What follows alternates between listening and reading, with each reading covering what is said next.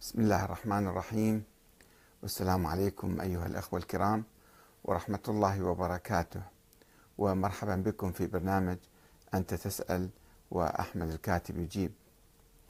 لدينا سؤال مقدم من, من الأخ ميثم يقول أنا أحد مقلدي سماحة المرجع الفلاني ولا أريد أن أذكر اسمه. وعندي رأس سنة خمسية يعني أخمس فيها. ووكلاؤه لا يجيزون لي غير الثلث الصرف الثلث فقط. هل لي الحق بالتصرف فيه؟ صار لي سنين على هذه الحال. أنه أنا أريد أتصرف فيه ولكن الوكلاء ما يقبلون. والجواب في الحقيقة في عدة نقاط. أولا أن التقليد هل هذا جائز أم غير جائز؟ التقليد يعني التقليد الأعمى خصوصا آه، أساسا يعني في القرآن الكريم آه، وفي سنة النبي وفي أحاديث أهل البيت لا يوجد شيء اسمه تقليد. التقليد أخذ من أهل السنة كان عندهم التقليد. وحتى عند أهل السنة كان علماءهم الأوائل لا يقولون بالتقليد بصورة مطلقة يقولون الرجوع إلى العالم. يعني مسألة عقلية ولذلك حتى الشيعة علماء الشيعة عندما فتحوا باب الاجتهاد وقالوا أن التقليد يعني جائز قالوا بشرط معرفة الدليل. وإلا فد واحد رايح مجتهد وواصل آه، إلى فد حكم بصورة ظنية. يعني هو واصل الحكم بصورة ظان ما عنده قطع ويقين. لأن لا آية قرآنية في الآيات يعني الأحكام الواردة بالقرآن أو متواتره عن الرسول هذه ما فيها تقليد. صلاة الصبح ركعتين ولا المغرب ثلاث ركع ولا أربع ركع الظهر عصر العشاء يعني. فهذه ما فيها تقليد. التقليد في المسائل الحادثة. والمسائل الحادثة عادة المجتهدين إذا اجتهدوا فهم يصلون إلى حكم ظني. طيب هذا حكم ظني بحق الإنسان هو يمكن يعمل فيه يجوز يعمل فيه. واحد آخر يجي يقلده ليش؟ شنو المبرر أن يقلده؟ هو أساس أساسا حكم ظني واصل إليه. هذا إذا كان مجتهد حقيقة كثير من الناس الذين يدعون الاجتهاد ويصلون حتى إلى مرتبة المرجعية هم في الحقيقة ما مجتهدين ما مجتهدين بعمق. لا مجتهد في العقيدة ولا في الأصول ولا في الحديث ولا في اللغة العربية ولا في التاريخ ولا بالقرآن بس في بال بعض الروايات وحتى في علم الرجال ما ما ما محقق ولا مدقق. فيقول لك أنا مجتهد ويمشون بالدعاية أكثرهم. فأنت شلون تقلده؟ على أي أساس تقلده؟ التقليد هنا في إشكال يعني. أه وبعدين مثلا يجي مرجع يقول لك لازم تعطي خمس الخمس واجب. زين هذا الرأي لما نقوله أو الفتوى من وين جايبها؟ من القرآن الكريم أو من الرسول أو من أهل البيت.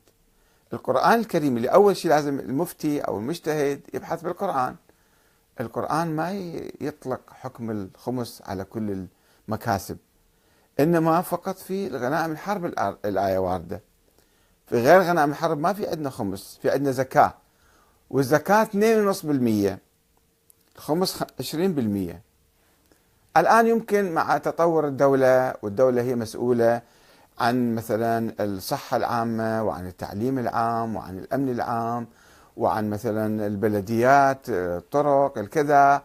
أشياء كثيرة الآن الدولة تقوم بها ولذلك تشوفون الحكومات حتى الحكومات الغربية تاخذ نسبة عالية من الضرائب مو 2.5% هاي 2.5% زمن النبي كانت. الدولة أو بزمن النبي يعني ما كان في دولة أساسا.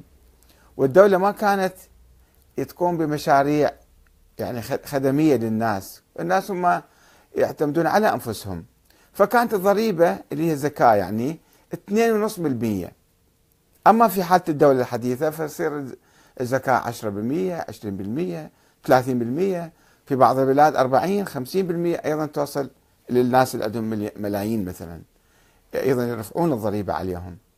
فالعالم المجتهد يقول لك لازم تعطي زكاة تعطي خمس 20% هو أنت اسأل هالفتوى مالتك من وين جبتها؟ بنيتها على ماذا؟ كيف اجتهدت فيها؟ هاي النقطة الثانية حتى لو افترضنا هو مجتهد ولكن في هاي المسألة هل هو مجتهد حقا؟ لو حسب المشهور يمشي. ولأن بيها فلوس بسرعة يقول لك جيب لي الفلوس. حتى لو عقيدته ورأيه أنه الزكاة مو واجبة أو الخمس مو واجب مثلا. عفوا مو الزكاة الخمس مو واجب بس يقول لك هذا يعني يمشي به أمورنا وأمور الحوزات وكذا. فشلون نعيش بدون خمس؟ لازم نجيب الخمس. هذه مسألة ثانية. المسألة الثالثة أن تعطي الخمس إلى. خلينا نشوف علماءنا من ألف سنة إلى اليوم عندما فتحوا باب الاجتهاد في القرن الخامس الهجري. من أيام الشيخ المفيد والسيد المرتضى والشيخ الطوسي اللي يسموهم مشايخ الطائفة. هل كانوا يقولون بأن الخمس واجب؟ وإذا كان واجب لازم تعطيه للمرجع اللي يتقلده والتقليد أصلا كان معروف تقليد عندهم. لا كان التقليد معروف. سؤال العلماء كان وأما الحوادث الواقعة إذا هذا الحديث صحيح وأما الحوادث الواقعة فارجعوا فيها إلى رواة حديثنا. تسألك هذا عالم ذاك العالم منو عنده حديث معين في مسألة معينة؟ ما كان في شيء اسمه اجتهاد.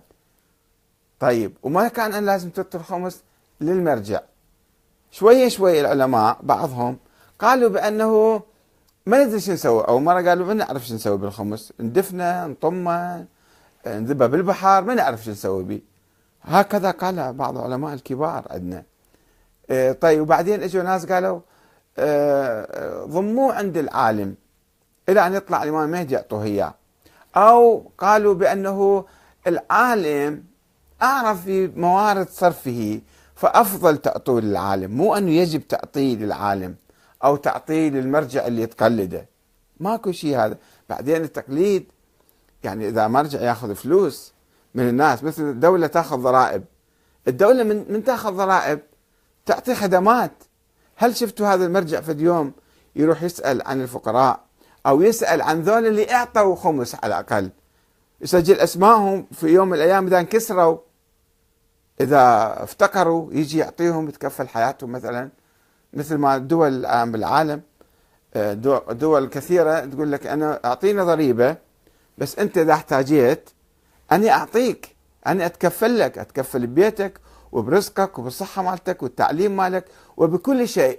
فتعطي للدولة ضريبة أنت وفي نفس الوقت إذا احتاجت أي شيء الدولة تعطيك. فاكو علاقة متبادلة بين دافع الضريبة ومستلم الضريبة. فشفتوا احد في يوم من هالمراجع يقول لك جيب الخمس إلية.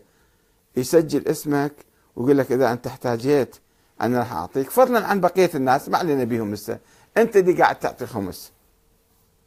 فهذا أيضا مو واضح. ماكو شيء يعني. فلذلك مو شرط تعطيه له وبعض العلماء كانوا يقولون اعطيه لاي عالم.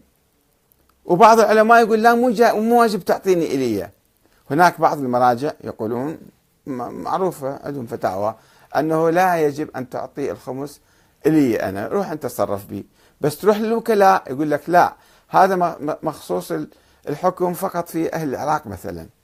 أما بلاد أخرى لا عندهم خمس هوايه لازم يجيبوه لنا وما يصير تتصرف بالخمس. لا أنت من حقك. أنت إذا اقتنعت أن الخمس واجب إذا اقتنعت روح ابحث بالقرآن وابحث بالأحاديث وشوف واسأل الناس اسأل العلماء عن آرائهم. قد ما تقتنع أصلا بأساس الخمس. وإذا اقتنعت مو بس الخمس إذا أنت عندك فلوس زايدة وتريد تنفق في سبيل الله لازم تعطيها لواحد آخر ينفقها عنك. ويصرف بيها ويلعب بيها أحيانا مثلا الوكلاء أو غيرهم أو أنت تأخذ الفلوس وتروح تشوف وين أكو فقراء وين أكو مساكين وين أكو مشاريع مثلا خيرية تطمئن إلها تدفعها مباشرة. ليش عبر واحد عبر واحد اثنين ثلاثة أربعة وتذوب الفلوس بالطريق؟ فأساسا الخمس التقليد مو واجب والخمس مو واجب. واعطائه إلى العالم نفس القلد أيضا مو واجب هذا. ابدا ما في وجوب بالموضوع روحوا ابحثوا وشوفوا. وإذا أنت عندك فلوس وتريد تعطي أعطي. ماكو مانع. يعني شوفوا شلون صار التركيب. أول شيء تقليد.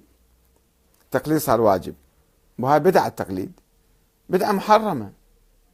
اثنين الخمس واجب. وهذا أيضا في الشيء عندهم طلعي.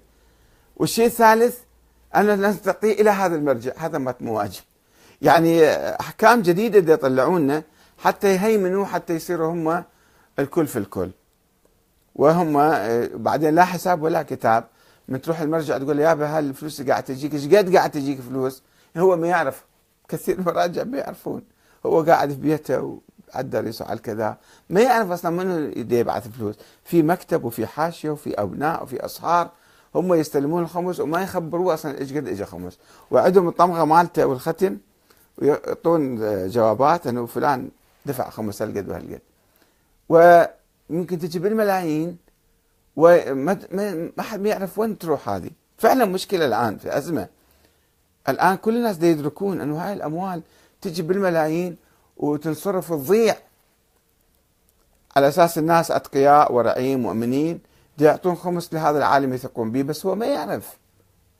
طبعا ما يعرف أيضا هاي مسؤولية عليه مو كيف ما يعرف. يعني إن كنت لا تدري فتلك مصيبة وإن كنت تدري فالمصيبة أعظم. إيه أنت لا كنت تدري الفلوس تجيك هالقد زين وين؟ عندك محاسب يحاسب بدقة وين الفلوس قاعد تجي وين تروح وين تصرف؟ تصرف فعلا في مصارفها ولا تروح منا ومنا تضيع؟ هذه في باب فساد كبير موجود.